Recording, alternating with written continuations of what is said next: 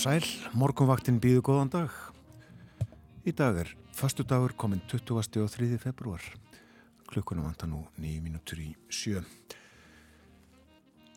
Við höldum í hefðirnar og hugum að veðrinu og uh, sjáum að uh, hitastíð er skaplegt. Svona öðru korum megin við núlið, uh, sumstaðar ölliti frost, annar staðar smá hiti en kvast á stöku stað. Við förum hringin, byrjum í Reykjavík, heiti við frostmarki höfuborginni, létt skíjað og hægur vindur, andar aðeins af norðan. Einstegs heiti í Stafáldsei og norðaustan nýju þar. Einstegs heiti líka í Stekisólmi og 14 metrar. Fóri 20 í mestu kviðu, létt skíjað í hólminum. Nú tekja steg að hitti á Patrísfyrði en hitti við Frostmark í Bólungavík, norðaustan 6 þar kvassara í Kviðum, 2 gráður á Hólmavík og norðaustan 12, 2 gráður á Blönduósi, morðanátt þar, einstigs hitti við Söðunisvita og norðaustan 10 metrar, 1 gráða líka á Akureyri en hægur vindur, tekja steg að hitti á Húsavík, tveggjastega hitti líka á Rauvarhöfn, einstigs frost á skjaltingstöðum í Vopnafyrði og tveggjastega frost á Eilstöðum, lítilsátt á snjó koma þar klukkan 6, suðvestan 2. Nú, þryggjastega hitti bæði á höfn í Hortnafyrði og á Kvískerjum og vindræðin þar þetta 8, 9, 10 metrar eitthvað soliðis, 2 gráður á Kirkjubæðaklaustri, norðan fjórir, tveggjastega hitti á Stórhauða í Vestmannegjum, austan fjórir þar og tveggjast eða frost í Árnesi norðustan 11 og á Hálendinu sjústega frost á Karanhjúkum, áttastega frost veði vatnarhaunni, fimmstega frost á hverjavöllum svona viðraði klukkan 6 Eirún, hvernig verður veðrið í dag? Já, horfundar eru þannig að það verður norðan og norðaustan 10 til 18 metrar á sekundu og það verður jél og skafræning liggur norðvestan til í fyrstu en svo dregur úr vindi og úrkomu. Og það verður annars mun hægari og skýja með köplum en dáli til jél á víð og dreif.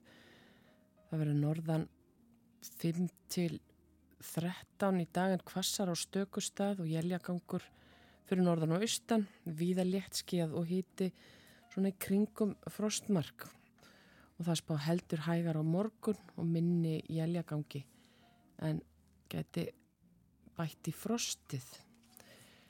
En það eru viða rauðar línur á korti vegagerðarinnar. Eins og við sjáum það er við kannski byrjum að skoða færðina á vestfjörðum. En það eru vetrarfærð á öllum leiðum og ímist þæfingsfærð þungfært eða ófært.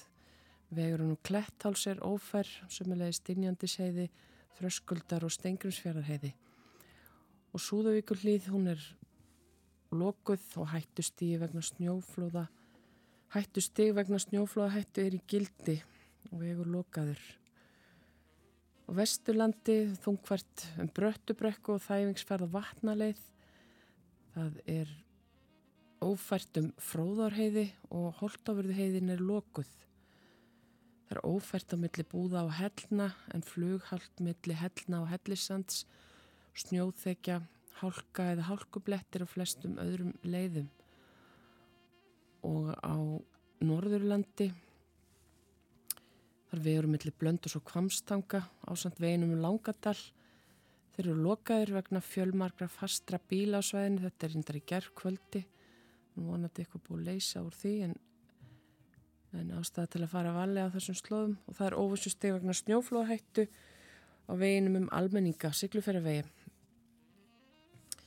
Snjóþekja, hálka eða krapi á flestum leiðum norðaustanlands og austurlandi sömulegis hálka eða hálku blettir viðast hvar, um öksi og lokaði yfir breyðdalseiði. Og vegfærandu bænir að aga með gát vegna hætt og grjótrunni í kampanesskriðum. Og suðausturlandi það er mikið af slæmum hólum á vegum í kringum Víki, Myrdal og undir Eyjafjöllum og vegfærandu bænir að sína aðgátt og draga á hraða. Og Suðurlandi hálkaði hálku blettir á flestum leiðum, mikið um bróthólur á svæðinu. Og þar eru vegfærandur beðnir að aga með gát. Og höfuborgarsvæði það er nú einhver, er einhver tilkynningar um það ennþá en sennilega bara ráðlegt að fara vanlega umfyrirni. Eins og alltaf og uh, semst að það er fólk að hafa í huga það þarf að skafa bílrúðum Nú, eh, eftir þessa yfirferð held ég að sé við hæfið að fara söður í höf. Louis Armstrong syngur um eh, gestristnina á Hawaii.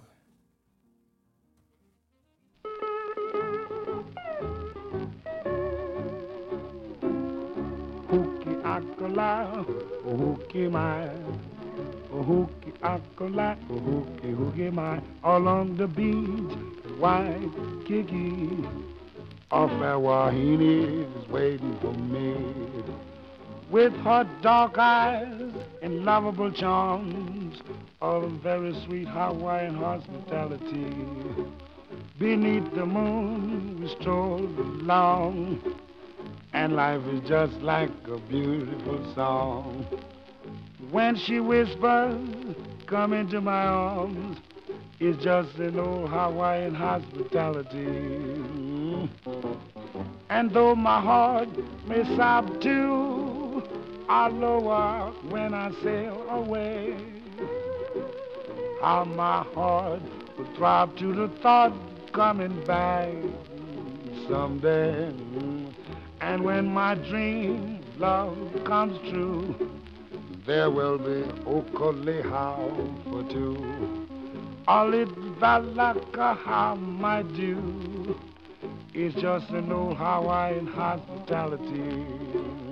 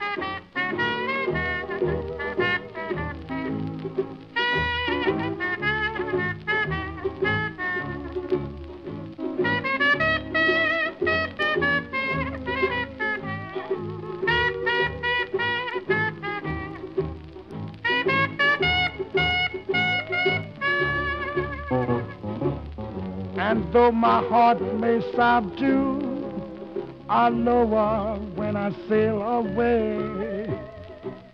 How my heart will throb to the thought coming back someday. And when my dream does come true, there will be Okale Howard too. Little balaka how my do. It's just old wine hospitality. Louis Armstrong á morgumvaktinni. Klukkan er alveg að verða sjö, við fáum fréttir klukkan sjö, förum yfir dagskraf þáttarins að fréttum loknum, lítum í blöð og uh, förum aðeins yfir söguna, við kjum að sögulegum atbyrði. En eins og aðu saði fréttir hér eftir öskamastund.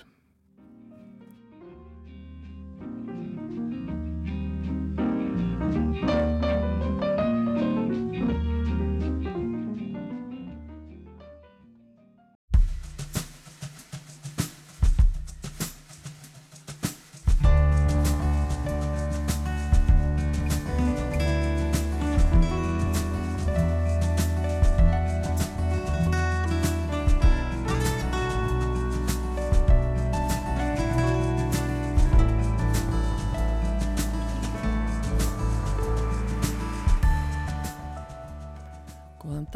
Morgunvaktin heilsar förstu daginn 23. februar. Umsjónamenn þáttarins í dag eru Björn Þór Sigbjörnsson og Eirún Magnúsdóttir. Það er viða átök og stríð í heiminum í dag. Mest fer fyrir hernaði rúsa gegn Úkrænu og átökunum fyrir botni miðararhafs. Fríðar umleitanir hafa ekki borðið árangur, ekki enn, en er von. Við veltum því fyrir okkur með Silju Báru Ómarsdóttur, professor í stjórnmálafræði. Hún verður hér upp úr klukkan halv åtta. Votlendi sem er stærra en tveir hektarar nýtur sérstakrar verndar í náttúruvendalögum. Í nýjútkominni meistararítgerður lífræði frá Háskóli Íslands kemur fram að minni votlendi splettir, þar á meðal blettir vel undir tveimur hekturum, geta gengt mikilvægu hlutverki fyrir fugglalíf landsins. Aron Alexander Þorvardarsson, lífræðingur, segir okkur betur frá rannsóksinni á tengslum flatarmáls, votlendis og fjölbreytni og þéttleika fuggla. Í Grindavík hefur Fisktekniskóli Íslands verið starræktur um ára byll. Framtíðin fælst í hafinu, segja þau í Fisktekniskólunum. Í fólkinu, takifærunum, þekkingarsamfélaginu og draumunum. Ástandmála í Grindavík hefur auðvitað haft áhrif á skólastarfið En það hjálpa til að nú á vorönn eru nefnendur í verklegu námi hjá sjárótusfyrirtækjum vítt og breytum landið. Clemens Simonsson, skólamestari fyrstekni skólansverður hjá okkur eftir morgunfréttir. Já. Veðrið, það var nú farið ágætlega yfir það í fréttum að það er... Um, Já, það er ófært víða á landinu þæfingsfærið hálka og hálkublettir en kannski grípum hér niður í hugleðingar veðurfræðings sem segir að í dag og morgun verður veðrið með litlum breytileika eins og það er orða hér engu þegar bórið er saman við síðustu daga. Vindáttir norrlægt, góla eða kaldi en stinningskaldi austast. Jæljagangur fyrir norðan og austan en víða léttski að sunnan og vestanlands Dægur sveiflanir farin að hafa þokkaleg áhrif og hýtastíð, segi veðfræðingur og þar sem sólar nýtur munum menn finna góðan íl þótt hýtamælarnir sé nú ekkert að hlaupa mikið upp á við. Morgun dagurinn verður að auki kaldar en dagurinn í dag. Kaldur fyrirpartur og sunnudag en þyknar upp með úrkomu og hlínandi veðri um kvöldið vestan til.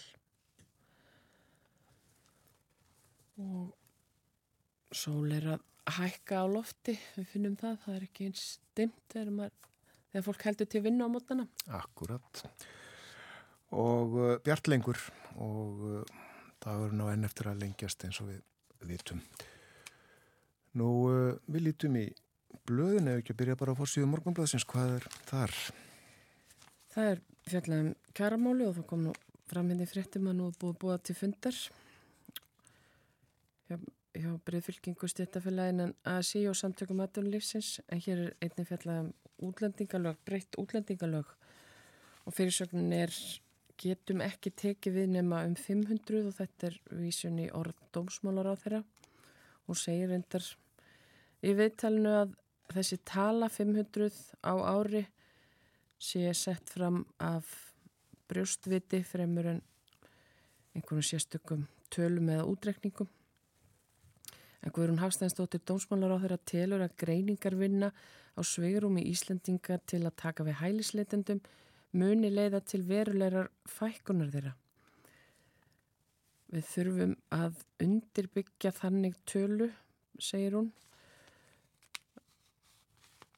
Sannsagt einhverja tölu um það hversu mörgum hælisleitendum sé hægt að taka við og hún slæðir fram tölunni 500 en, en, en uh, Það er svo sem ekki farið dýbra í það en hún segir hér að, að það sé verið að setja á stað greiningavinnu til þess að hægt sé að meta hversu mörgum sé hægt að taka á móti og þetta var, var mælt fyrir, það stóð til að mæla fyrir frumvarfi um útlendinga, breytt útlendingalög í þinginu í gær en, en því, var, því var frestað, það tók lengri tíma en áallega var að ræða um Grindavík. En það er líka skemmtileg frétt hér á fórsíðu morgunblassis og frétt, svo frétt er auðvitað víðar en, en íslenska kallalandslegi Körvugnatleik vann góðan sigur og ungverjum í gerð og þetta var gleðilegur uh, leikur, það, voru, það var pakkfull lögadagsvæll hérna og margir spendir að sjá Martin Hermansson snúa aftur í landsliðin hann hefur sem kunnugt er verið mittur lengi en hann er svo sannlega komin aftur. Íslandinga voru undir í hálfleik. Og voru undir líka í, eftir þriðja leikluta en náða að snúa þessu öllu saman við í, í fjóruða leiklutanum. Áttu, áttu stórkostlegan leik og náðu þar að sína sitt rétta andlit. Íslenska korfknallegs landsliðið. Fyrirháleikurinn var enda frekar jafn en, en ungur er náða að vera yfir fjórum stigum yfir í, í háleik og Ísland náða mingamunni tvö stig í þriða leikluta og og svo sildur fram úr og sigruðu með fimm stigum. Þetta var bara áttu leikur, þetta er ekki teljast ekki sérstaklega mörg stig í Körubólta, 70-65 og það segir okkur að baráttan var mikil og það var mikil stemming í, í lögatasöll og hér í umfjöldum morgunblæsins eru þeir Tryggvistnær Linason, Martin Hermansson og Elvar Már Fredriksson sérstaklega nefndir að þeir skoruðu 44 stig af þessum 70 samanlagt Þannig að þetta var góður, góður dagur fyrir íslenskan körubólta. Þetta er byrjunin á undankeppninni fyrir Evrópamótið. Það er alltaf gott að byrja vel. Það er mjög gott, já. Við lítum í Östurfjett og uh, sjáum að í gær þá var samþygt á fjölmunum hlutafafundi að slíta slátufélagi voppfyrninga og þar með lokar síðasta sláturhúsið sem að starfar á Östurlandi Og það er rætt við Skúla Þórðarsson, frangatastjóra, hann segir ég og við hjá Slátufélaginu erum búin að hafa lengri tíma til að melda þessa stöðu en aðrir og við sáum enga möguleika að halda áfram að svo stötu. Og á fundinu fengum við umbútt til þess að slíta félaginu og selja eignir þess. Okkur sínist að með sölu á eignum verði hægt að gera upp við alla hlutafa þó það munir sennilega að taka mánuði og hugsanlega lengri tíma að klára allt það ferli. En uh, rekstur sláturhús, sláturhúsins uh, hefur verið krefjandi árum saman, segir í frétt, östufréttar. Allra síðustu misseri hefur þó síið enn frekar á ógæfilliðina. Svo fyrir bændum og fyrir hefur fækkað, en um leið hafa orðið miklar verðhækkanir í kjölfar COVID-faraldusins og stríðsins í Úkrænu. Og á sama tíma hafa vextir hækkað helendist, þannig að lán og skuldbindingar hækkuðu um 20 miljóna stuttum tíma. Og uh, áfram er rætt við skúla frangatastjóra uh, það er fyrst og fremst mikill vakstaklafi þú ert með rekstur upp á 500 miljónir króna og þart lán til 7-8 mánada til að fjármagna vörubyrðir. Það geta allir ímynda sér þann kostnað miða við vaksta umhverfið í dag. Og hann segir fyrir tveimur árum þá greitu við 13 miljónir í vexti af lánum. 2022 greitti félagi 21 miljón en eh, á síðasta ári 32 miljónir. Það er aukningum 20 miljónir á aðeins 24 mánuðum og þetta er í viðbót við aðra óhagstaða þætti sem að kosta miljónir aukalega og fyrirsjáanlegt er að hækki enn frekar eins og sí aukið eftirlit ríkisins sem tilkynnt hefur verið um, segir skúli. Nú eh, það er líka rætt við eh, oddvita sveitastjórnar Vapnafjörðarreps, Axel Örn Sveinbjörnsson, sem uh, sagði daginn í gær sorgardag fyrir alla vopfyrðinga, uh, þó sérstaklega fyrir það fólk sem að misti vinnuna. Þetta er mikið högg fyrir bæin og högg fyrir sveitafélagið sjálft í útsvarskreðslum. Það er afar miður að missa þessa mikilvægu starfsemi úr bænum og voðalegt og hann uh, áallar að sveitastjóður uh, verði af um það byrj 10 miljónum króna vegna þessa. Nú uh, þá að loðnunni en áhugaverð frétt var á byrt á vef vinslustöðarinnar í Vestmanni núna fyrir vikunni og þar var spurt kemur loðnan í veidanlegu mæli inn í íslenska fiskviðilóksu eða lætur hún ekki sjá sig í ár svo nokkru nemi? og þetta er spurning sem að brennur á fjöldafóls í mörgum íslenskum sjáaplásum og ekki síður á þeim sem að ráðstafa því sem góð loðnuvertið myndi skila sjóðum sveitafélaga og sjálfu þjóðabúinu. Og svo segir fylst er með gangi mála utan landsteinuna og þá ekki hvað síst í Japan þar sem mæntanlegir kaupendur og neytendur loðnu og loðnu afurða býða spendir. Það nú fjallægu austrinu heyrist að ofsnemt sé að örvænda því hegðun loðnunar nú kunni frekar að skýrast að gangi heimintunglana en að meintum duttlungum hennar. Og eh, heimildamaður eh, vefsíðu vinslustöðarinnar eh, fyrir heimintungla kenningunni er sölustjóri vinslustöðarinnar í Japan, Yohei Kitayama, en Hann segir eða haftir eftir honum í samtali loðnuleysi við Ísland bast í tal við eftirfæntinga fullan viðskiptavin á dögunum sá að ráðu til sjós og áratugum skipti og saði að sjómenn í Japan og annar staðar í Asíu stúdeiruðu alltaf stöðu tunglsins á hverjum tíma til að ráða í fiskengd á miðum. Það væri nefnilega marg sannað og staðfest í aldanar ás að fiskur hefði hægt um sig í sjónum og æti helst ekkert á fullu tungli en er þið aftur virkur með vaksandi nýju tungli. Þá færi hann að hreyfa sig og geta. Og hvernig kemur þetta heim og saman við loðnuna á Íslandsmiðum?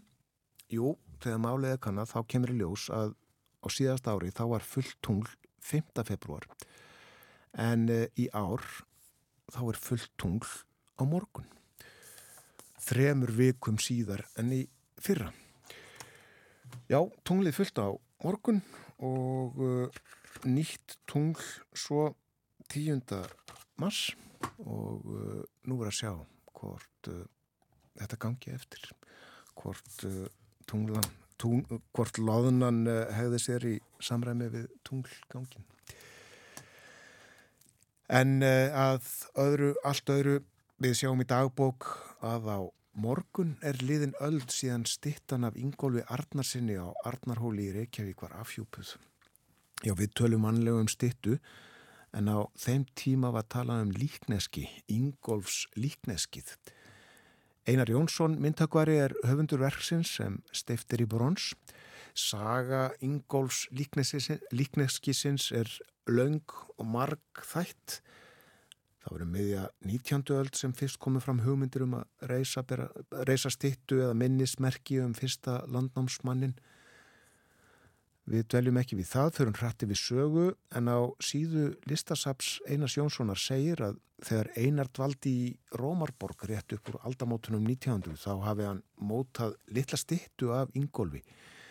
Og nokkur setna var stungið upp á því í Danmörku að Danir gæfu Íslandingum stittu af Ingólfi Arnarsinni en á Íslandi þótti við hæfi að Íslandingastæðu sjálfi ströym af kostnaði við slíka stittu og það var enn til almennrar fjársöfnunar þáttakam var dræm og það fór svo að yðnaðamannafélagið sem upphaflega hafi lagt fram dágóðan skilding til verksins það borgaði brúsan og færði landi og þjóð stittuna til egnar og umráða og það var sem sagt gert við hátíðlega aðtöfn 20. og 4. februar 1924 og sagt var frá í morgunblæðinu veður var gott, hlíti lofti og austan andvari fjölmenni var við aðtöfnina Arnarhóll, túniði kring og göturnar umhverfist það allt þjætt skipað fólki, sagði mokkin.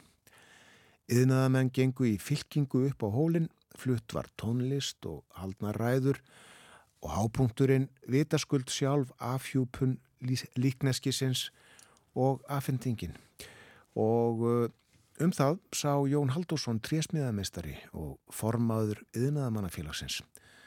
Hann stegu upp á fótstall stittunar, svifti hjúpnum af henni og afhendi og uh, hann uh, vittnaði í hvæði Gríms Tomsen Víða eru vörðu reistar á vegum sögu þessa lands úr fornöldinni fljúanistar, framtagsins og hraustleikans.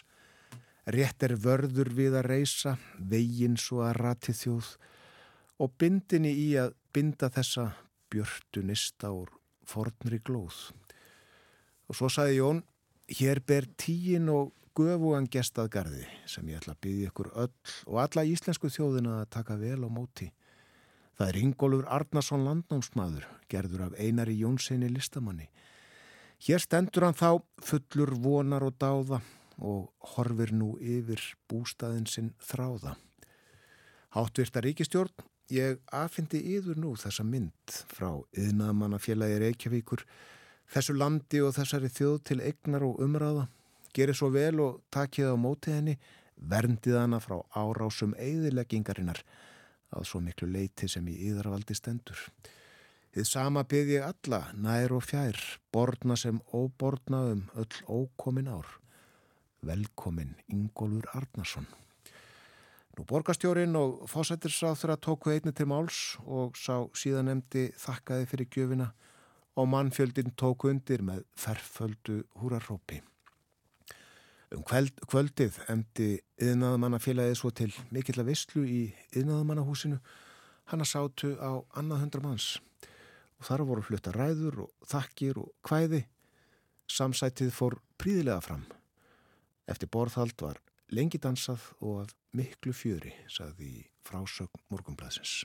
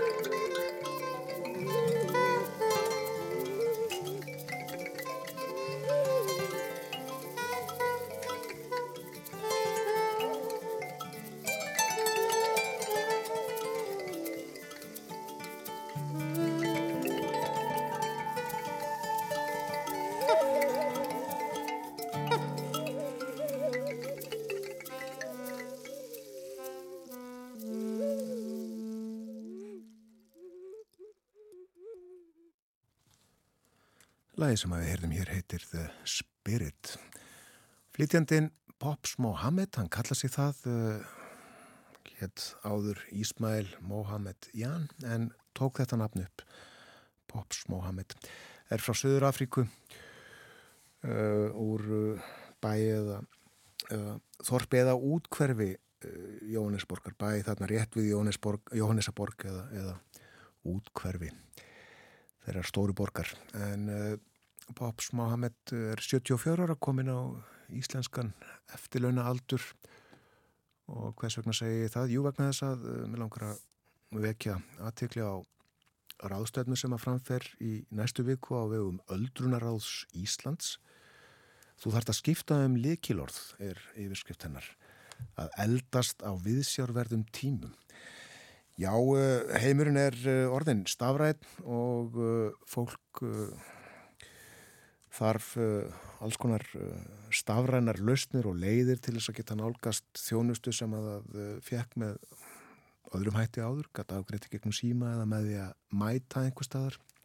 En nú er verildin öðruvísi og margt floknari, einfaldari líka auðvita á þess eru ímsar hliðar auðvita en Um þessi mál, vítt og breytt, verður fjallað á þessari ráðstöfnu sem að framfæra á Hilton hotellinu í næstu viku 28. februar eins og áðursæði það er uh, miðugudagur og uh, þarna koma fram og tala meðal annars fulltrúar frá landsbankanum og lögreglunni, bjarkarlýð og uh, fleirum. Það má finna upplýsingar um þetta á uh, vefnum öldrunaráð.is sem er uh, vefsíða öldrunaráðs Íslands fólk sem hefur áhuga á að taka þátt sitja þessa ráðstöfnu þarf að skrá sig og það gerir það í gegnum þessa síðu.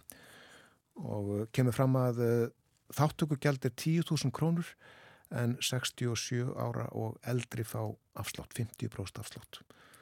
Og það verður búið upp á hátægisverð og kaffi. Já, og það er tekið fram að það er líka hægt að skrá sig gegnum síma. Ekki bara með stafrannum hætti gegnum hlekk Það er hægt að ringja sér. Það er hægt að ringja. Gott, gott. Frettaefliti kemur þér eftir smástund hjá okkur á morgunvaktinni.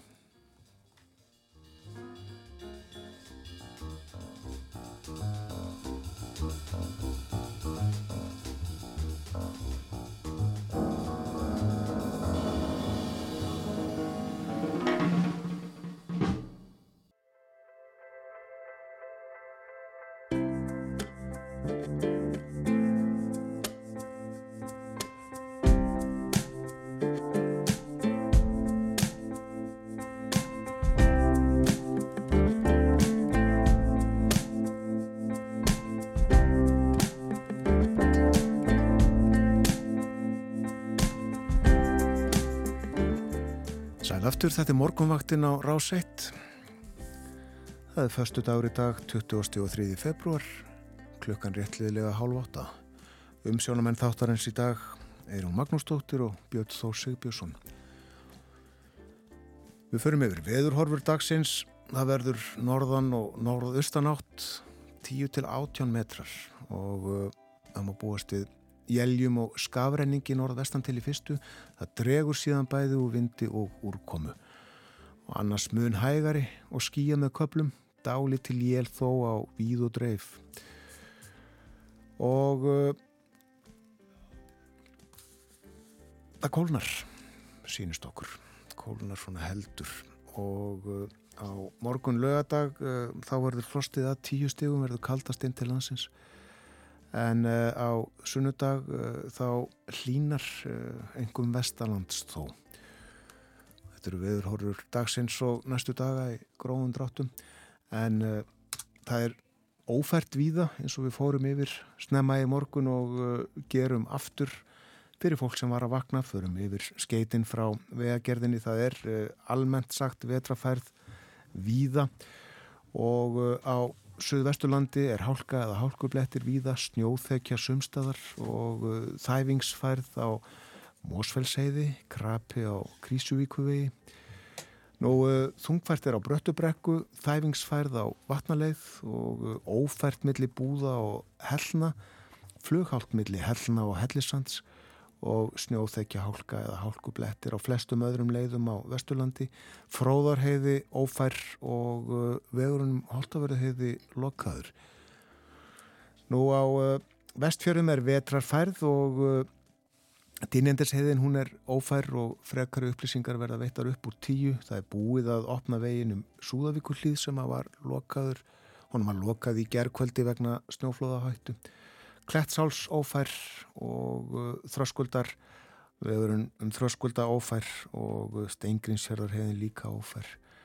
Og uh, tölver hálka sömstaðar á Norðurlandi og hálka líka á snjókoma á Norðausturlandi og hálka eða hálkublettir víðast hvar á Östurlandi og hálka á Suðausturlandi og Suðurlandi og það er vara við hólum í veginum.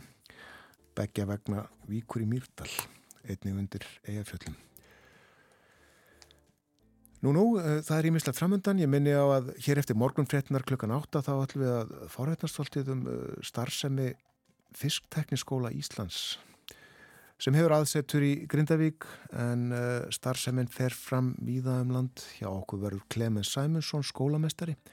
Og svo meðli hálf nýju og nýju þá förum við út í Móa eða Mýri og uh, fjöllum um uh, fuggla, fugglalíf, uh, ræðum við Aron Alexander Þorvarðarsson líffræðing sem að segir okkur frá mikilvægi Votlendis. En núna öðru á morgun, 24. februar, þá eru liðan tvö ár síðan rúsa réðust inn í Úkrænu og það gengur illa stilla til friðar útlitt fyrir að átökin geti varað lengi í viðbót. Og fríðarumlittanir fyrir botni miðjararhafs hafa líka verið árangurs lausar til þessa. Og þau eru reyndar mörg og víða stríðin í heiminum í dag. Í minnst er barist yfir landamæri eða innan ríkja. Og við ætlum hér næstu mínatur að fjalla um tilraunir til að koma á fríði engum í stríði rúsa við úkræðumenn og Ísæla og palestinumanna eða Hamas-samtakana Hjá okkur er Silja Bara Ómarsdóttir, professor í stjórnmálafræði við Háskóla Íslands. Velkomin til okkar. Takk fyrir. Byrjum á stríðinu í Evrópu, innrás rúsa í nágrannaríki Úkrænu. Það eru tvö árliðin á morgun frá fyrstu flugskeita árásunum. Eh, Já, bjóstu við því fyrir tveimur árum að þetta er því langvind? Nei, ég held nú að kannski var það vonin að þetta, hérna, maður stundum ekki svona baksinni speklinum hvort, að, hvort var ráðandi að hérna, maður ætti að trúa því að í fyrsta leið þetta væri að gerast að þetta eru auðvitað um tilnefningu í allþjóða stjórnmálum til þess að uh, svona í fræðanum allavega til þess að líta á ríki sem rökhegna gerendur og uh, þetta var auðvitað ekki rökrétt ákverðun af hálfu uh, Rúslands eða Pútins að, að hefja þetta stríð. Eh, þannig að, að eh, það er svona í fyrsta lagi kannski eh, já þá held maður að það er ekki svo útkoma. Og svo þetta var kannski sérstaklega í upphafi þá náttúrulega vitandi ólíka stöðu sagt, hernaðar, við veitum hversu ólíka hernaðar geta þessar tvekja ríkja var á þeim tímapunkti og kannski bjóst maður freka við að, Rúsland myndi ná sínu markmiðan freka uh, en Úgræna uh, nýtur auðvitað góðs að því að, að að hafa uh, stuðning Evrópuríkja flestra og, og bandaríkjana og hefur náða svona halda kannski meira en maður bjóst við en þetta er hvað eitt fjörði af landsvæði Ukrænu núna undir rúsnarskri stjórn. Þannig að, að ef vopn væri lögð niður núna þá væri við ekki að tala um einmitt frið, við varum að tala um í raun og veru frosin átök það sem að, að væri kannski ekki barist en það væri ekki sátt um hvað, hvar landamæri læju og, og hver, uh, hver væru lögmætt eh, stjórnvölda á þessum svæðum. Og þetta er eitthvað sem við hefum séð mjög mikið í fyrrum Sovjetríkjunum bara einn svona Gorno-Karabakh sem að, að já, kvarf núnum síðustu áramót bara hafi verið fróðsinn átökið 30 ár en, en bara gufaði upp á, á 30 mínútum allt í einu og þetta er svona uh, hérna ef, ef ekki verður einmitt samið um frið að þá er, er hættan á að við verðum þarna með einhver brótættsvæði sem að, að gætu alltaf uh, átök gætu alltaf uh, brostið á aftur í. Og það er svona vandin sem við stöndum að verður Já, eitt er auðvitað uh, vopnalli og annað er frið Já, einmitt, einmitt. En uh, getur þú farið í uh, gróðum dráttum yfir þær tilrunir sem að gerðar hafa verið til að koma á friði. Og hvers eðlis hafa þessar tilrunir verið? Já, fyrst þetta voru sko Kvítrús, eh, hérna Belarus eh, stjórnvöld þar voru svona að reyna að ganga millið, þau eru þetta eina fáum stjórnvöldum sem að njóta uh, tröss rúsa uh, en fára annara, þannig að hérna þar eru þetta rann nú uh, hratt út í sandin, það var einhver, einhver vonum að, að kínverjar getur þrýst á rúsa um að að uh, taka þátt í, í uh, friðaveraðum af, af heilendum uh, svo eru hérna einhver, einhver vísbendingur um að, að það hafi verið svona möguleikar á friðarsamningum en bandaríkin hafi ekki verið tilbúin, svona hafi þá dreyið úr úgrænum mönnum um að, að skrifa upp á, upp á þær tillögur, svona um mitt ári fyrra Hvers vegna var það? Ég bara það hafi ekki verið eh, það hafi þá veintilega ekki talið ásætanlegt uh, þau, þau skilir þig sem að, að væri verið að, að ganga stað. Um, þetta er svona fréttir af þessu er kannski misvísandi sko það eru hérna ukrainst fræðafólk uh, hefur svona gaggrínt þau sem að segja að bandaríkinn hafi þarna spilt fyrir friði og segja það, það drægi úr mati á, á sjálfsökurnar getu og rétti úkrænumanna að segja að, að að uh, það sé bandaríkinn sem að taki þessar ákvarðanir þannig að maður veit ekki alveg hversu, sko, hversu trúverð þetta er en, uh, en auðvitað eru í svona átökum eru nær alltaf uh, einhverjar viðræður í gangi bak við tjöldin eða fyrir opnum tjöldum þannig að, að maður svona býst fyrir eitthvað við því að séu einhver samtöl hversu óopimber sem að, að þau eru eða ekki sko. Eru einhverjir þjóðarleitur núna sem er að banka upp á Putin og reyna að ræða við hann? Sko mér veist ég ekki að séð eitthvað svona uh, beint þannig upp á síðkastið sko. Þannig að hérna og Putin auðvitað er mjög einangraður uh, gagvart Vesturlandum sko. Þannig að hérna uh, það er maður svona sér ekki alveg að það sé annað en bara að þessi, þessi átök haldi áfram. Og, uh, og það er eitthvað sem getur dreyjast mjög á langin síðan auðvitað spilar inn í að það verða stjórnarskipt í bandaríkjunum þá auðvitað breytist stuðningur þeirra hvort eh, hérna er mjög líklegt allavega með að við hérna yfirlýsingar Trumps og þingmenn sem eru honum hlindir sem að, að hérna vilja ekki fjármagna áframhaldandi stuðning við, við Úkrænu Pútín sagði við talaðum daginn að hann vildi bæta henn áfram. Já. Hann meinti Trump er það ekki? Já, ég, ég heyrði þetta ekki. Plata. Já, já, ég mitt, ég mitt hérna, Þannig svona, já, það, það er allavega líklegra að hann njóti stuðnings frá bandaríkjunum eða sérst að það verði hérna Uh, já, Putin njóti meiri stuðning svo Trump heldur en Biden veitur honum sko. Já, drægi úr stuðningi við Ukraínu En uh, Putin treystir auðvitað fáum og, og alls ekki saminuðu þjóðanum sem ákvæða þetta meðlega málum. Já, nefnilega. Og uh, hérna og saminuðu þjóðanum auðvitað hafa verið í báðum þessum átökum sem eru eftir bauði hérna hjá okkur allavega að, að hafa njóta ekki trúveruleika hjá öðrum aðilanum, það er að segja hjá Rúslandi og annars vegar og hjá Ísrael eins og verð. Þannig að, að það er líka svona brestir í þessu alþjóða kerfi og uh, svona maður sér alveg að það eru uh, gerendur í heiminum sem að, að treysta frekar á, á mátt valdsins frekar heldur en lagana. Já, mm. viðskiptaþingunum hefur verið beitt mjög gegn uh, rúsum og rúslandi og bóðar eru hertari slíkar aðgerðir. Gagnast þetta eitthvað?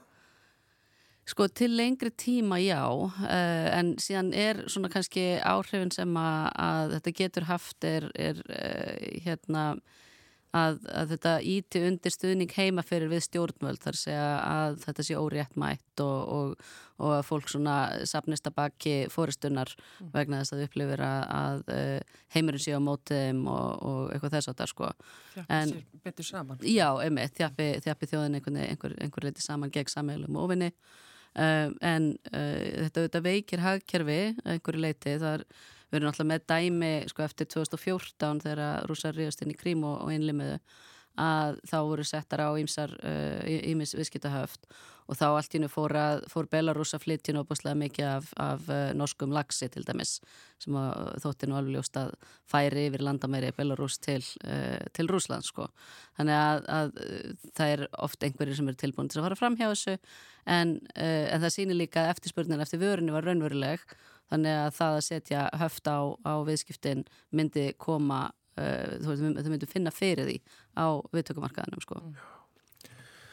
Uh, Förum þá að botni miðurhafs, uh, þar hefur svo sem verið delt og baris og árum skiptir áratugum uh, með hljefum auðvitað en, en hvað getur þú sagt um friðar umlitanir þar að undanförnum? Já, það var nú einhverja sviftingar bara í nótt, ég vaknaði við einhverja nýja fréttir að, hérna, að Ísraelar eru, það er sendinemt farin frá Ísrael til uh, Parísar. Eh, sem að var ekki búist við að, að myndi taka þátt í viðræðum þar aftur ekki friðar heldur og opna hljós viðræðum og þetta svona, þetta vekur einhverja vonir vegna þess að í byrjunveikunar þá sló Ísraels, sló Ísraels ekki út á borðinu til og er Hamas sem að voru kannski full bjart sínar svona með eh, aðstæður um 135 daga opna hljós, eh, þrjár 45 daga lótur þar sem að ætti að ná ákveðum áfengum í hérna vindu ofan af, af þessum uh, átökum hérna Uh, þannig að, að mögulega er einhver uh, já, er einhver, einhver glæta um að þar verði samið. Það eru þetta nálgast núna hérna Ramadan hérna förstu mánuður hérna hjá muslimum og það er svona eins og oft er það er, hérna, það er friður á jóladag og, og svo leið sko sem að hérna, er, er hefð fyrir í vopniðum átökum. Þetta er þetta mun lengra, þetta er heil mánuður sem að vera að tala um en uh, það myndi breyta miklu ef að, ef að það næðist vopnallíða í raun og veru undir næstuði sama hvaða forsendum það væri. Uh, það sem Hamas laði til í, í vikunni var að, að á fyrstu 45 dögunum mynduði slepp öllum konum og öllum drengjum undir 18 ára og öllum köllum sem ekki, ekki væru uh, annarkvort uh, hermenn eða varamenn í hernum og á móti er þið hérna, myndu Ísrael að sleppa föngum, uh, hvern föngum og held ég sérstaklega. Og síðan er þið sérst, áfram uh, hérna gengi lengra að þanga til að í á síðasta 45 dagar tímabilinu myndu uh, Hamaslega sleppa öllum uh, þeim gíslum sem þeir eru með. Þetta auðvitað töldu Ísraelar ekki fullnægandi, vilja auðvitað fá sitt fólk heim undir eins og, og ánallar skilir það en uh, hérna þannig að já, það, þetta er allavega svona byrjunarútspilið þannig að maður veit að það, það liggur eitthvað á borðinu og í samningavirðum að þá náttúrulega snýst það bara um hver er tilbúin til að gefa hvað.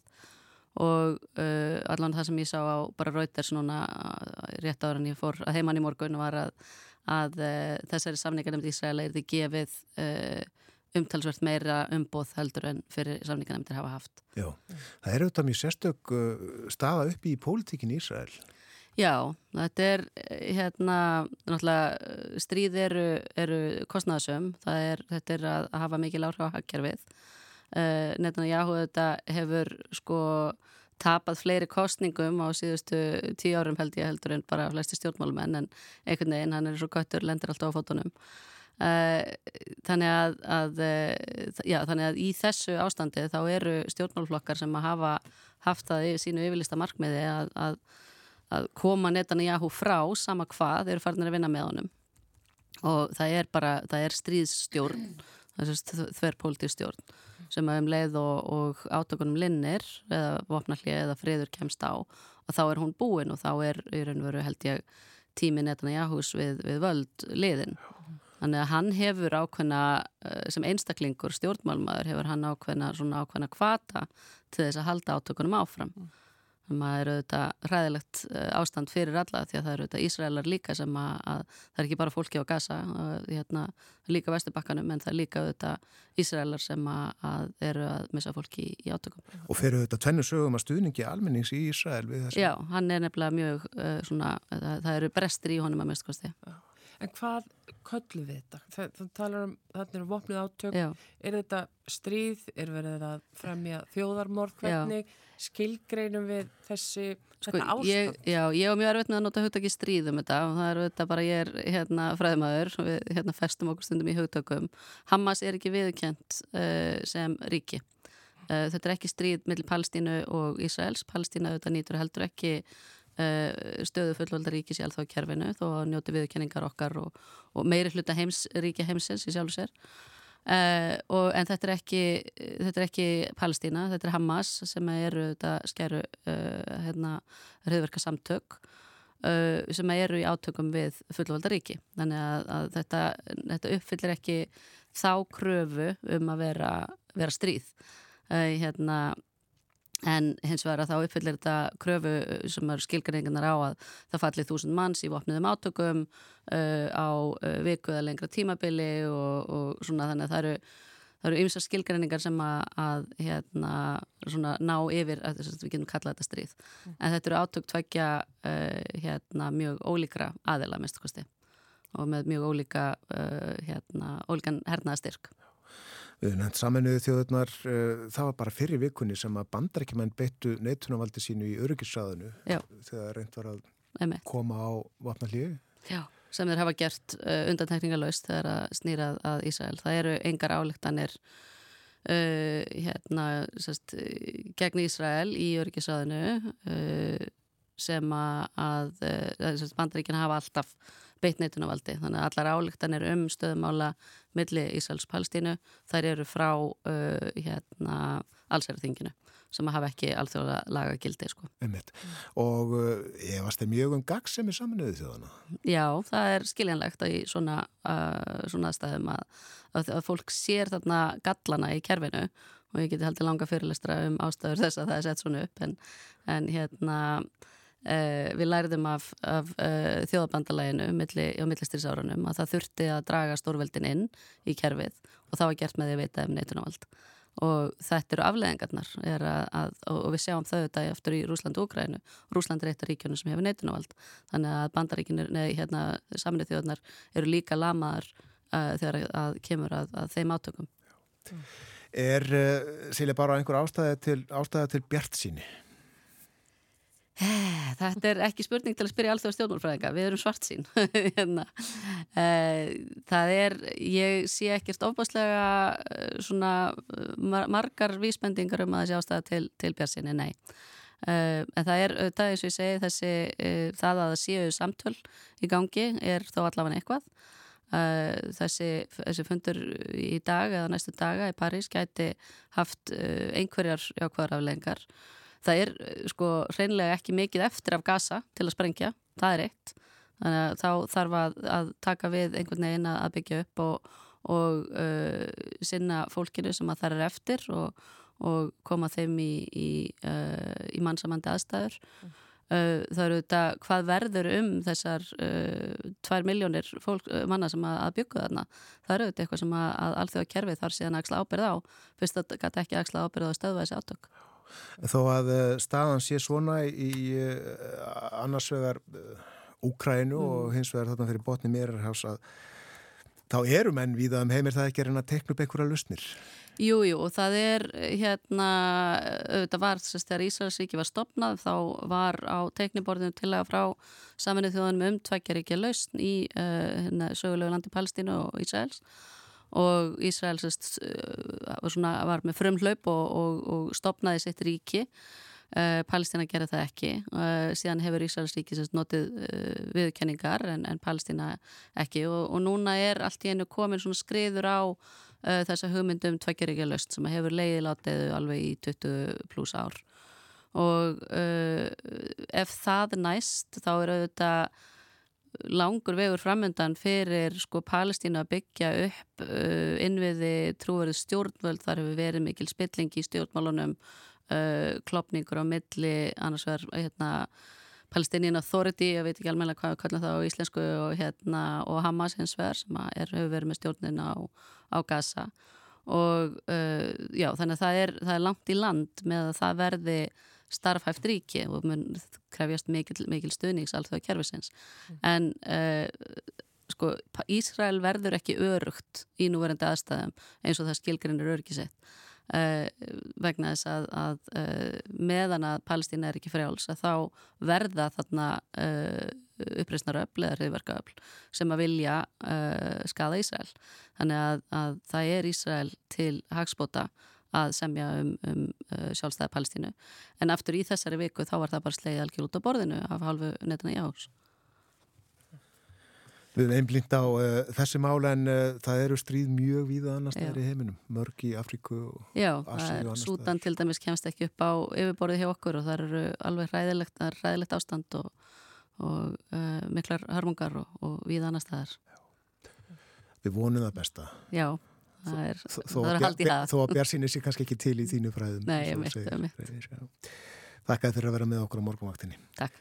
Silja bara Ómarsdóttir. Uh, Já, tvö ára á morgunliðin frá því að uh, rúsarnir sendu fyrstu flugskittin á Úkrænu og uh, enni barist en við vonust eftir því að friður komist á vitaskuld. Framöndan eru fréttir hjá okkur á morgunvaktinni. Við fáum fyrst auðlýsingar allt með hefðbundum hætti og uh, eftir fréttinnar þá verður uh, gestur okkar Clemens Simonsson, hann er skólameistari Fisktækniskólans í Grindavík. Við ætlum að heyra um uh, starfsemi skólans, bæði svona almennt og þetta líka áhrifin sem að atbyrðirnir í Grindavík hafa haft á skólastarfið og svo er hún milli hálf nýju og nýju að þá ætlum við út í móa. Þá ætlum við út í móa við ætlum að fjalla um votlendi. En votlendi eins og margir vita nýtur hér sérstakrar verndar. En svo vernd gildir aðeins ef að votlendis bletturinn er starri en tveir hektarar. Allt undir því er ekki sérstaklega verndað. En ný meistararittgerð í lífræði við Háskóla Íslands bendi til þess að það geti verið ástæða til að vernda minni bletti einnig. Þegar geti gengt mikilvægu hlutverki fyrir fugglalíf landsins. Þú ætlum að fræðast um, um þetta í síðasta hluta þáttarins. Já, uh, fiskar og fugglar á dagskraf hjá okkur á nýjunda tímanum.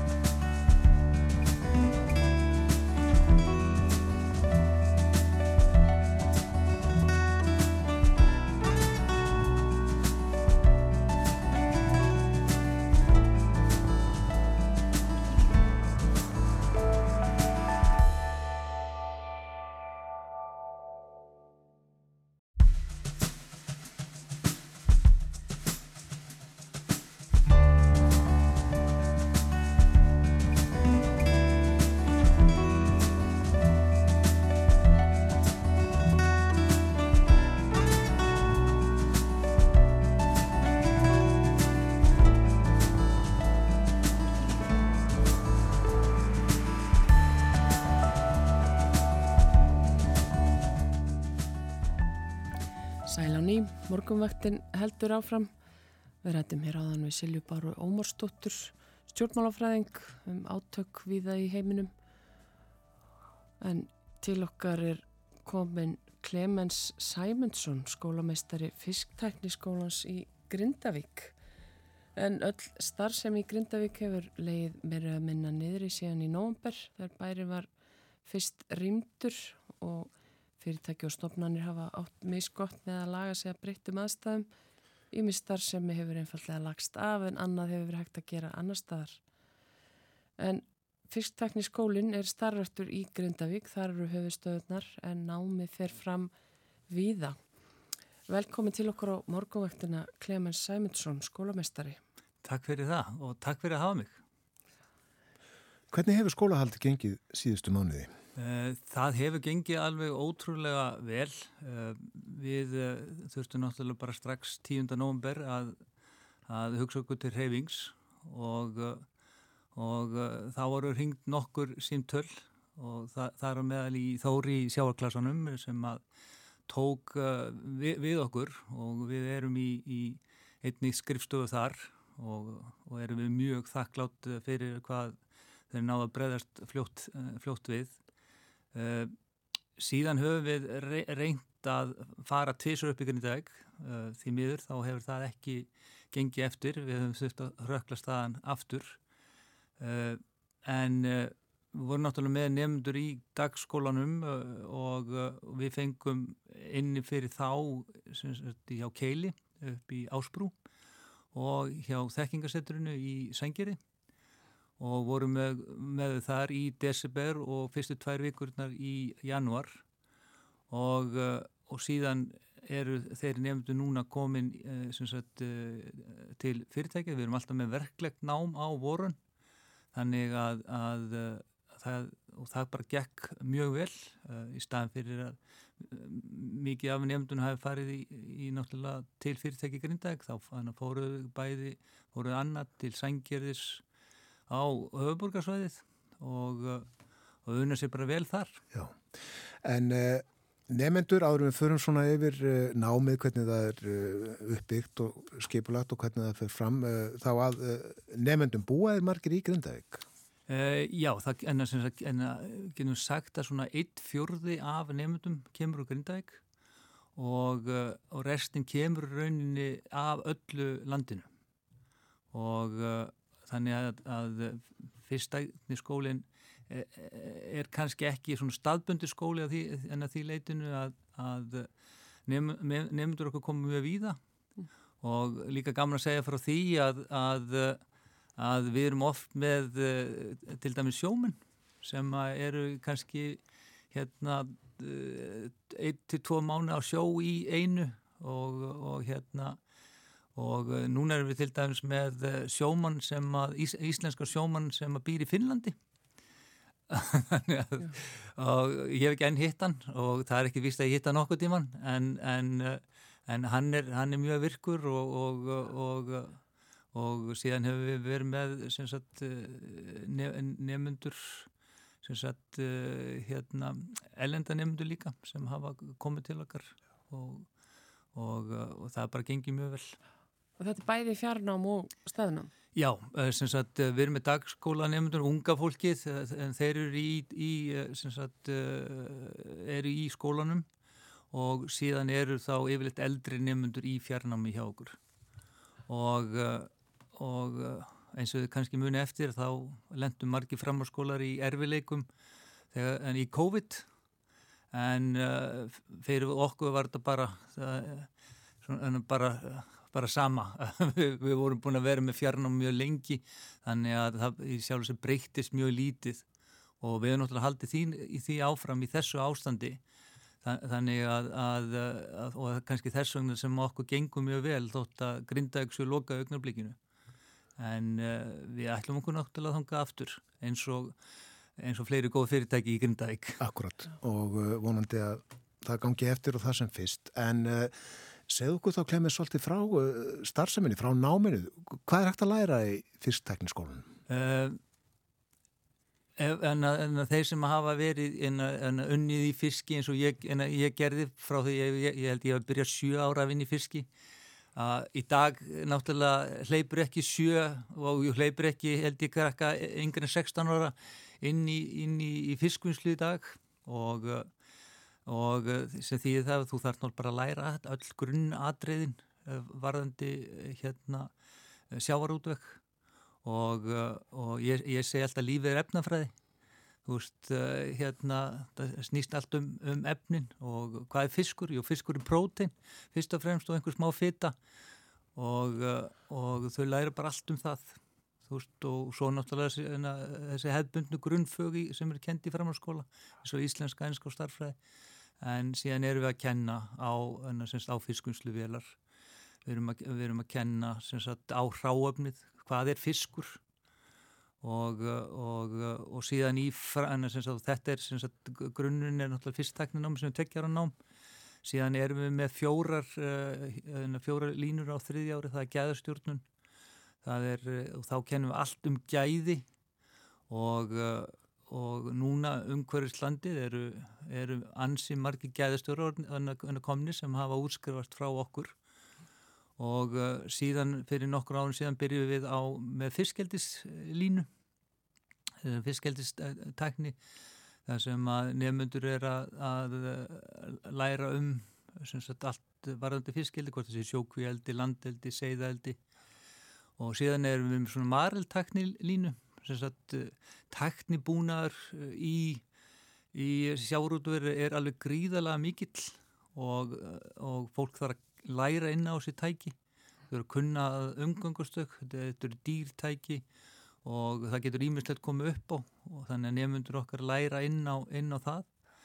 Og síðan höfum við líka verið með svo kallar haftengta nýsköpun og, og og það var nú hérna heiða var hjá okkur í gerð fyrir að sjá að klassunum og, uh, og það fer fram alveg gríðarlega uh, mikil hérna vinna í mjög mörgu sjártursfyrirtökum að auka nýttni á, á sjárfangi og, og hækka vermaðið og og við teljum okkur vera hluti af þeim pakka. Já, og frumkvölastarfið unnið er mitt í Grindavík í þeim efnum. Já, mjög, mjög mikil uh, hérna eins og hérna mjög mikil eh, starf sem er þar og þar svona eitt, eitt af fyrirtækir eins og Marin sagt að, að, að nýta hráöfni betur þar sem að hérna við segjum, en að við tölum oft um það kannski meiri gamni alveg en kannski ekki að, að eftir örfa ára þá verður kannski en að flögin tvö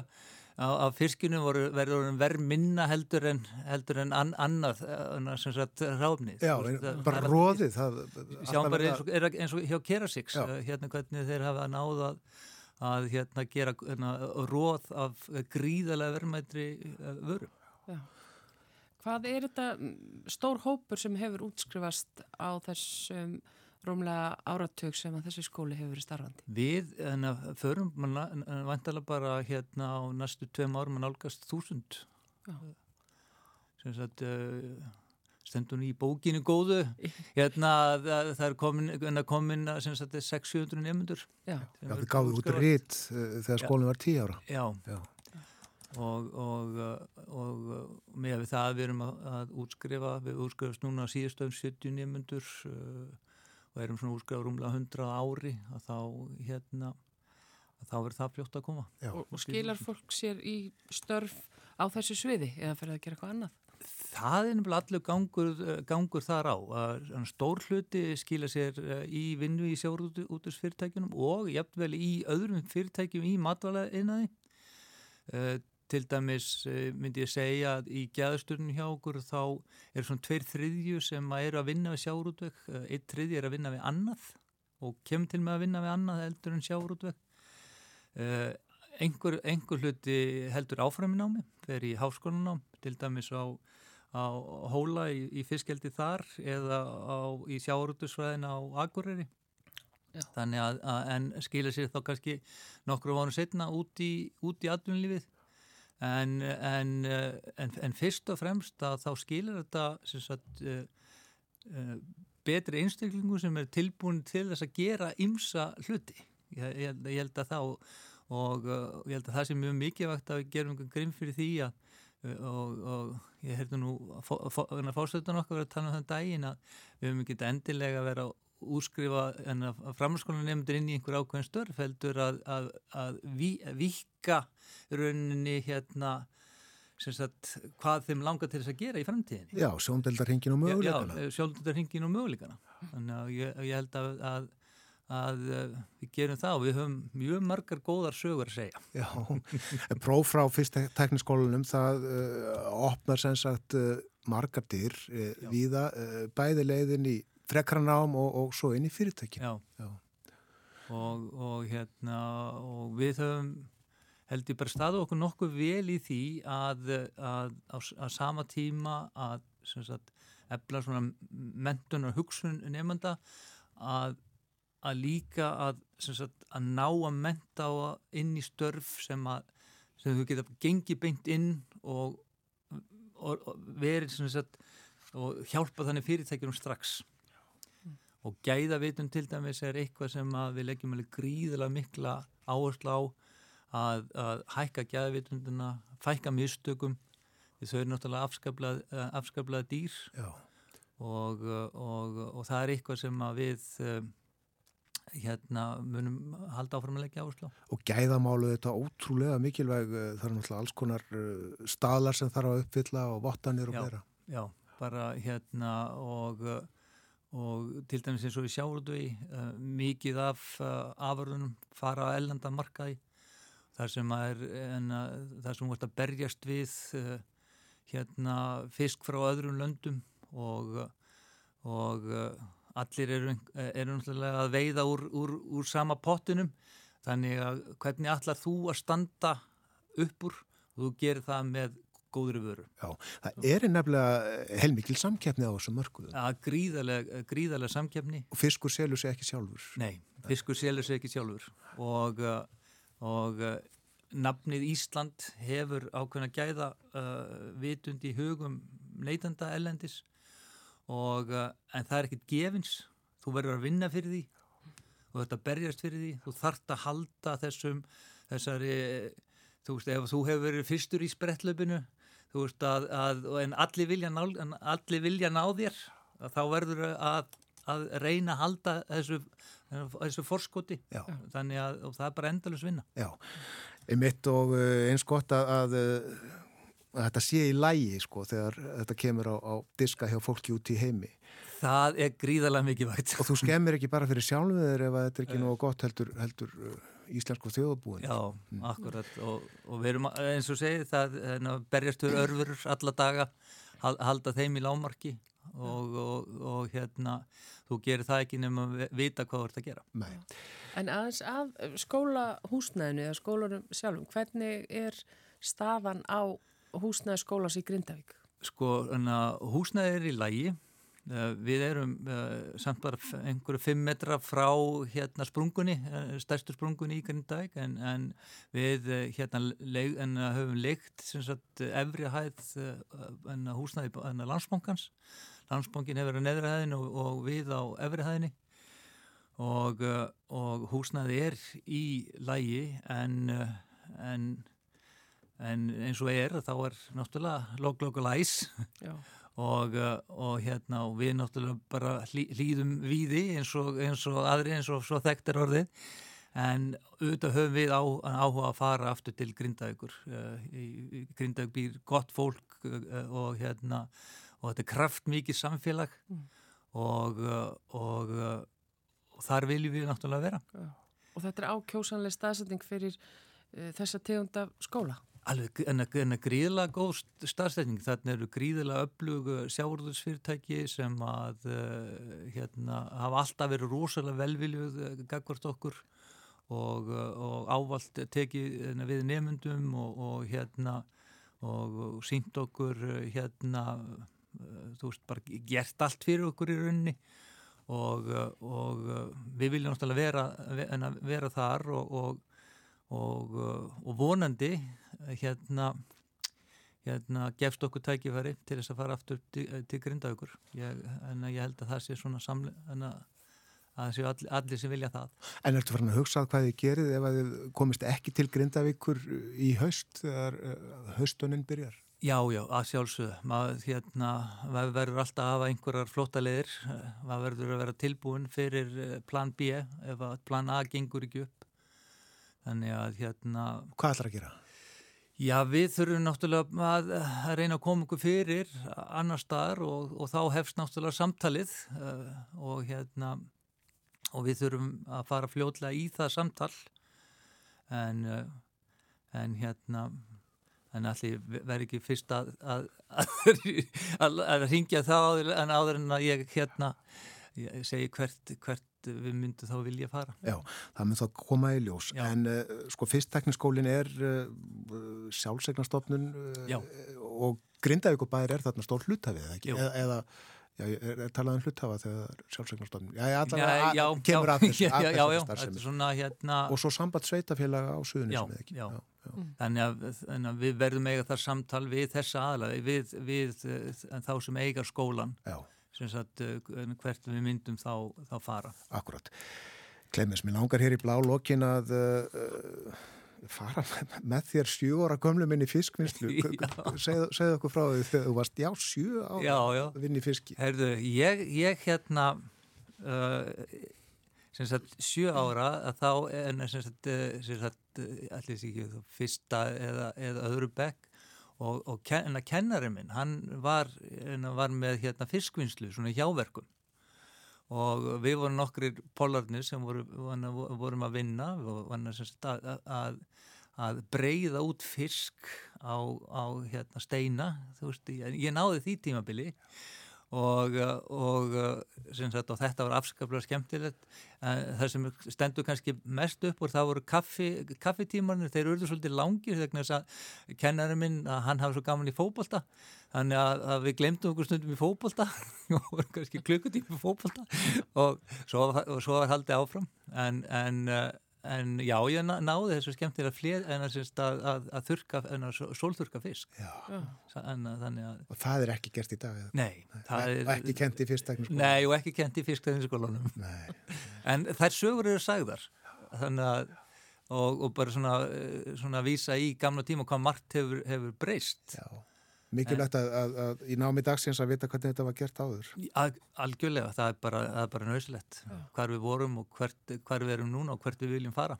Að þú fyrst laun hérna sjóra? Já, já, ég fekk laun.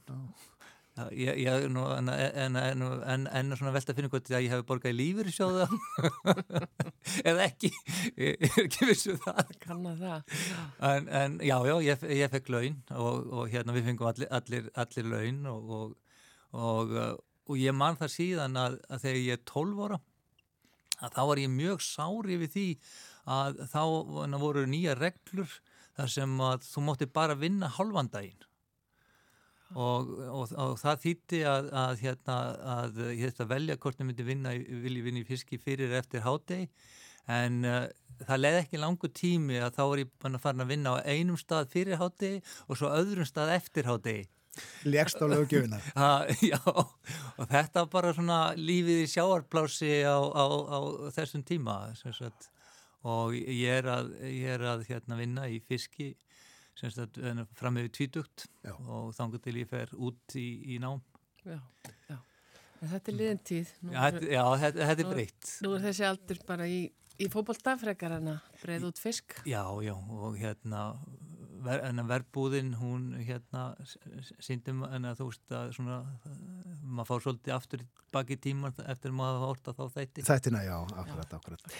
Þá gaman að fá þig eh, Klemur Sæmursson skólamestari fyrsttekniskólans í Grindavík, þakka þér einlega fyrir komina og eh, gangi þér og ykkur eh, vel. Takk hella fyrir að mig, takk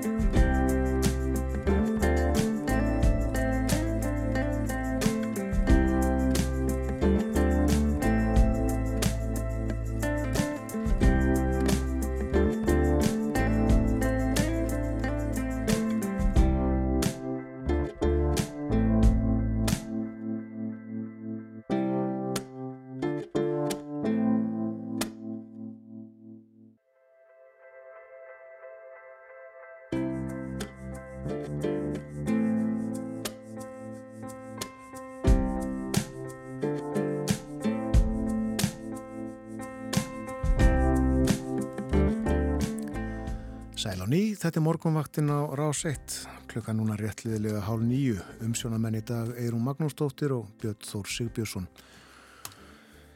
Nú, uh, að veðrinu, það verður norðlega átt í dag, uh, góla eða kaldi, stinningskaldi, austast, kvassara þar sem sagt.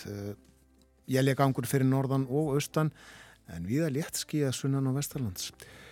Og Það verður uh, bara svona sæmilega hlýtt í dag uh, miða við ástíma, það er jú enþá februar en uh, heldur kaldara á morgun svo. Hér áðan þá tölum við um Fisktækniskóla Íslands, hann er starraktur í Grindavík, Clemens Simonsson skólamistari var hjá okkur.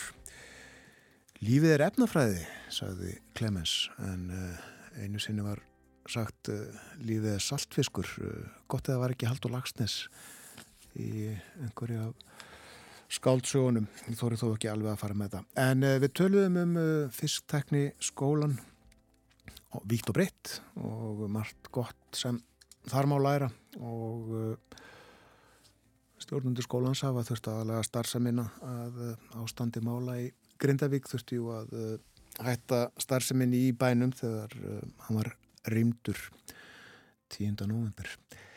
En hér á eftir þá ætlum við út í Móa, við ætlum að tala um uh, votlendi uh, og fugglalíf uh, meira en það á eftir. En hlustum fyrst á eitt lag, hér er uh, Kári Sverrisson, hinn færiski.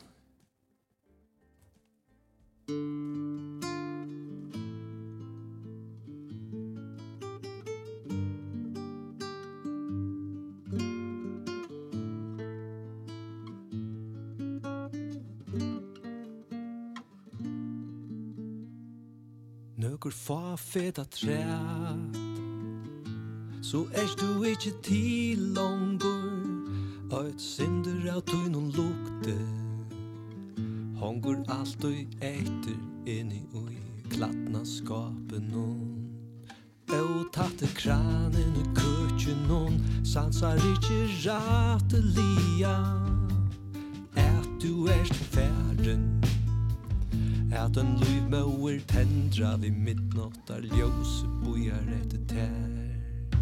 Kvært så, og kvært så,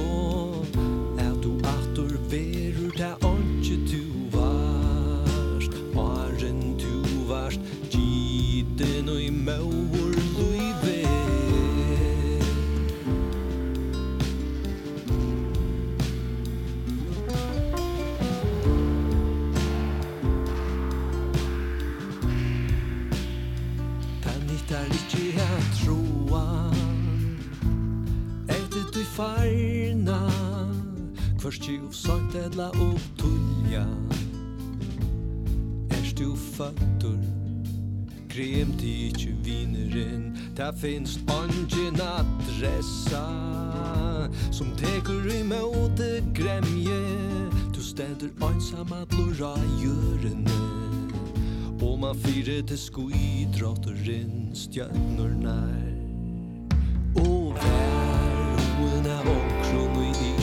rattelia brukar som hos dødde og åron som vi. Hjärstan låra nyer i dybe här. Bära lamponar tja djupa hans fel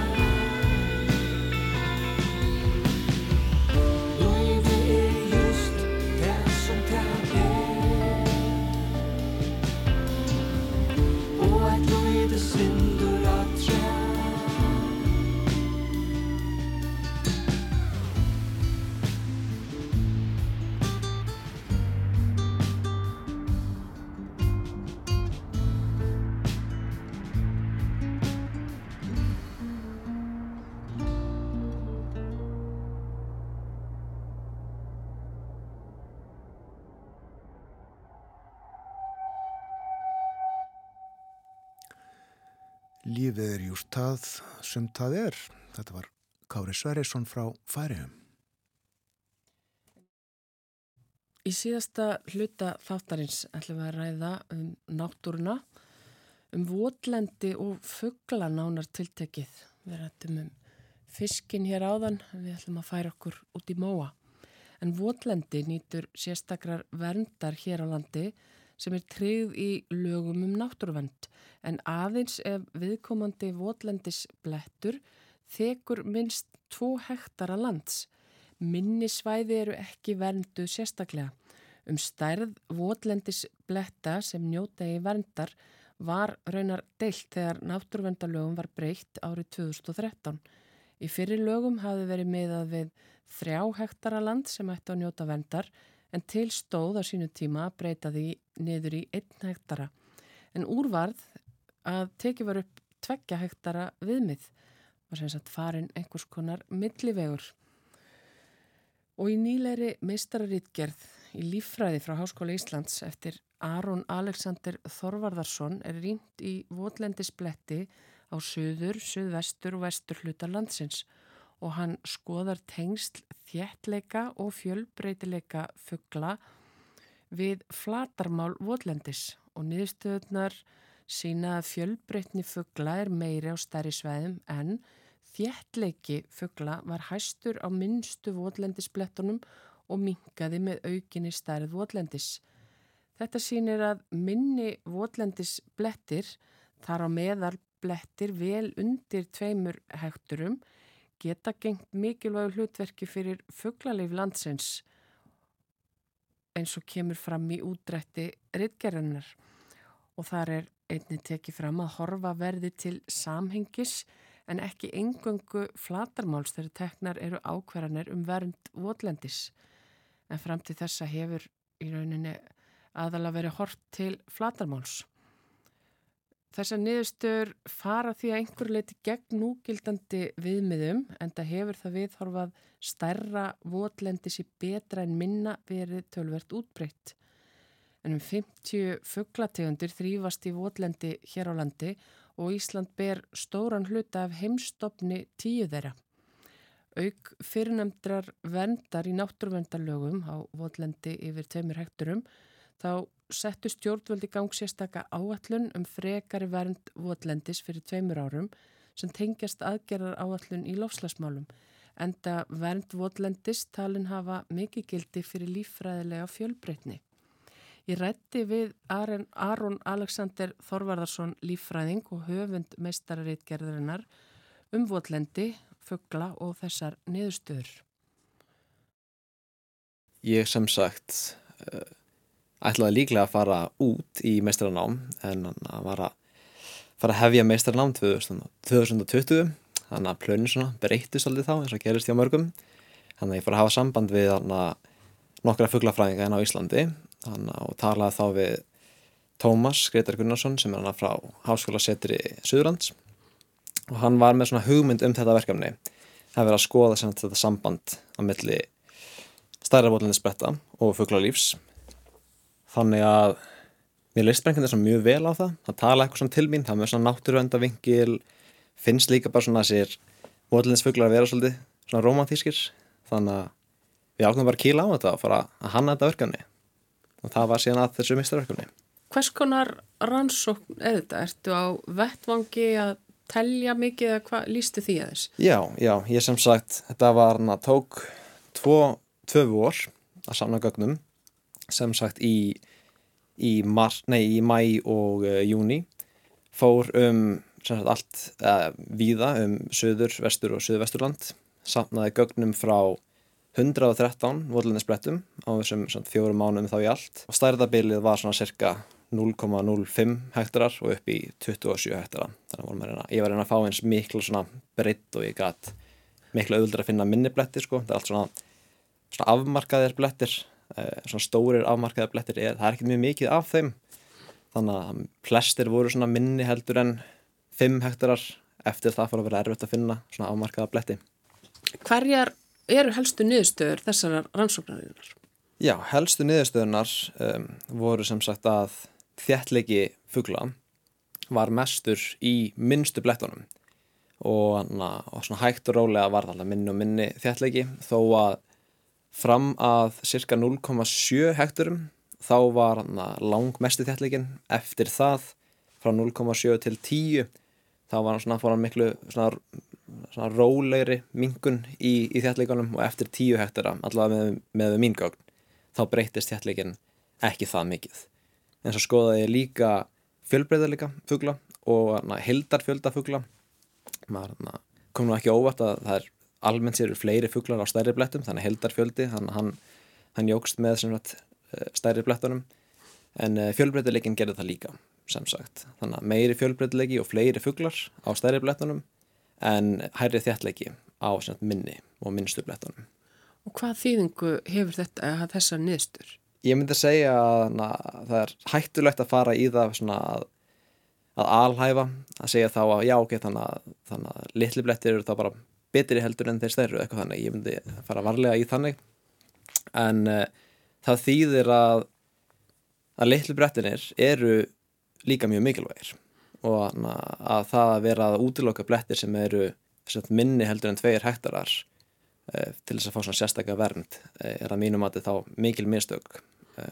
Það er, mhm. væri mikil ávinningur af því að minniblettinni getur líka verið að fá verndun af því að það er það sem að mestu þjættleikin er en, en vissulega eru stórblettinni mjög mikilvægi líka Já. bara af þá öðrum ástæðum en, en þetta kannski segir okkur að það hafi svolítið verið hort fram hjá þessum smærri votlendissvæðum eða blettum, eins og kallar það ávegna þess að mm. í lögum um náttúruvönd þá er sérstök uh, friðun á votlendi sem er yfir tveimur hekturum en undir því þá er ekkert er engin, engin sérstök friðun. Mm -hmm. uh, en þetta kannski gefur tilöfnum til að endurskoða þetta einhver liti Já, ég myndi að segja það en uh, ég veit líka að uh, þegar þessi tveggja hektara hægt að viðmið kom inn í náttúruvendurlaugin að til þess að, að byrja með það átti það er að vera einn hektari.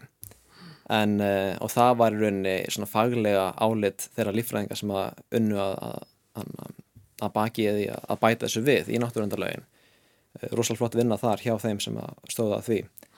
En síðan eftir þetta fór til alþingis að þá var því breytt.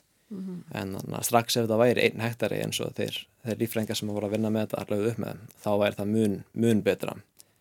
En uh, já, mögulega komið tími til að kíkja aftur á þetta. Þannig að fræðimenn og vísindamenn á þessu sviði vildu hafa mörkin læri Já, þeir vildu hafa mörkin læri og líka sérstaklega eins og með votlendi að því að Íslands votlendi er að miklu leiti litlir blettir. Það er um það byrju svona 30% af öllu votlendi Íslands eru minni heldur en eh, ein hektari, svona stakir blettir.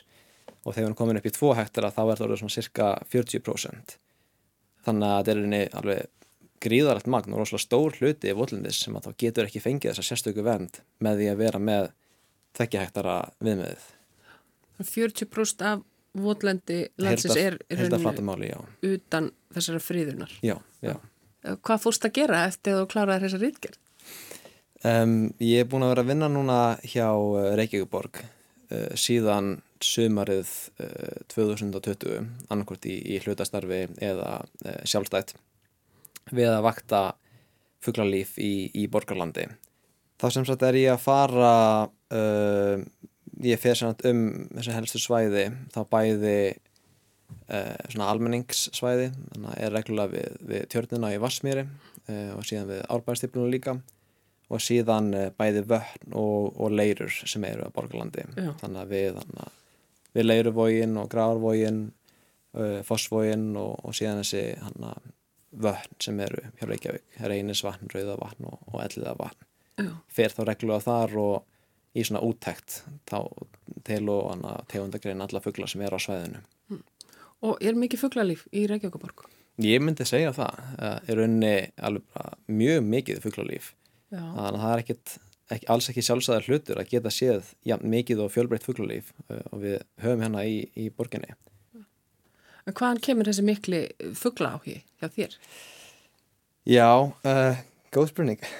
Ég ætlaði ekki að færi fuggluna sko. Þegar ég byrjaði upprunalega í lífræði þá ætlaði ég að færi sjáalífræði Eh, en tók síðan eh, fugglafræði aðfanga og var algjörlega bara ég fjall bara algjörlega fyrir fuglunum. Það var eitthvað svo, eitthvað svo skemmtilegt við, við þetta viðfangsefni. Ég tók hérna bara smá svona uppeyju þannig að bæði að því að ég var með frábæran kennara og líka bara því að þetta er svo skemmtilegt viðfangsefni sérstaklega hérna á Íslandi því við erum með svo mikið af skemmtilegum fuglum hérna og með alþjóðlega ábyrð á þó nokkrum tegundum líka. Þannig að þetta er, er mikilvægt að vera að vinna í þessu og fylgjast með þeim. Viltu nefna þennan kennara sem hefði svona mikið láhrif á það? Já, Gunnar Þór Hallgrímsson. Hann er alveg frábær kennari sko, við töluðum mörg um það þetta var alveg einstaklega skemmtilegur og góður áfangi. Já, svona geta kennara haft mikið láhrif Algjörlega. Serðu fyrir þeirra að halda áfram að skoða votlendi eitthvað liti? Já, ég geta náttúrulega séð því sé, sé fyrir mér að halda því áfram. Hvort að ég væri að gera eitthvað svipað og þetta eða eitthvað annað, myndi kannski svona komið ljós bara en, en ég já, ég geta alveg séð fyrir mig að halda því eitthvað áfram. Já. Skemmtilegt skemmtilegt búsvæði og skemmtilegir fugglar að vinna með. Hvað var svona uh, skemmtilegast eða áhugaverðast í, í þessari rannsók sem þú gerði fyrir mestraverkefnið? Já Er þetta vel einhvern svona einn einn ákveðin hlut en ég, ég hugsaði reglulega hana, þegar var einhver starfna út í sveita, einhvern svona völdlinsblett langt í svona langt í burti frá öllu að hana, satan kannski einhverju einhverju túni eða einhverju móa klukkan 7 morgunin búin að vakna klukkan 5 og keira í klukkutíma eitthvað til að koma mér á sæði þannig að bara ótrúlega að þetta séurinn er partur af náminu. Að ég geti verið að gera þetta og ég mun fá, fá gráðu fyrir þetta. Þetta er bara svo ótrúlega skemmtilegt og mikið forutandi að geta verið að, að læra eitthvað svona. Eitt með náttúrunni, með fugglunum Já, svolítið. Já. Það, er eitthvað búið romantist þetta setja hann í móa að vera hlusta hlossakaukin, þú veist, fyrir ofan mann og svo spói einhvers það fyrir aftan mann og þetta er eitthvað, þetta er bara æðislegt. Takk hella fyrir komuna. Já, mjög var ánægum, takk fyrir að bjóða mér. Falli mynd sem að eh, Aron Alexander Þorvarðarsson lífræðingur dróð þarna upp. Þeir út á túni eða í móa hlusta á fugglana eitthvað heyraðins í rósagögnum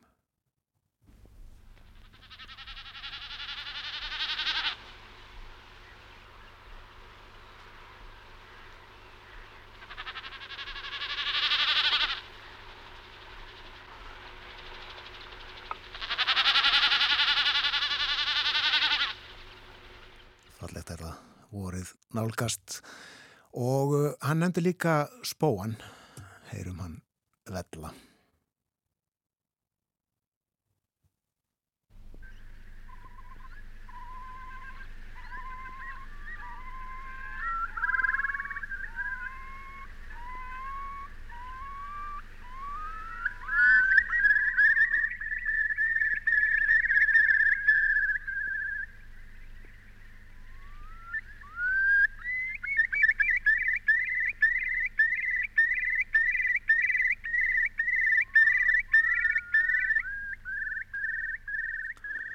Og eftir þetta held ég að sé við hæði að hlusta á uh, óð til náttúrunar. Hér er Múkisson, Stingum af.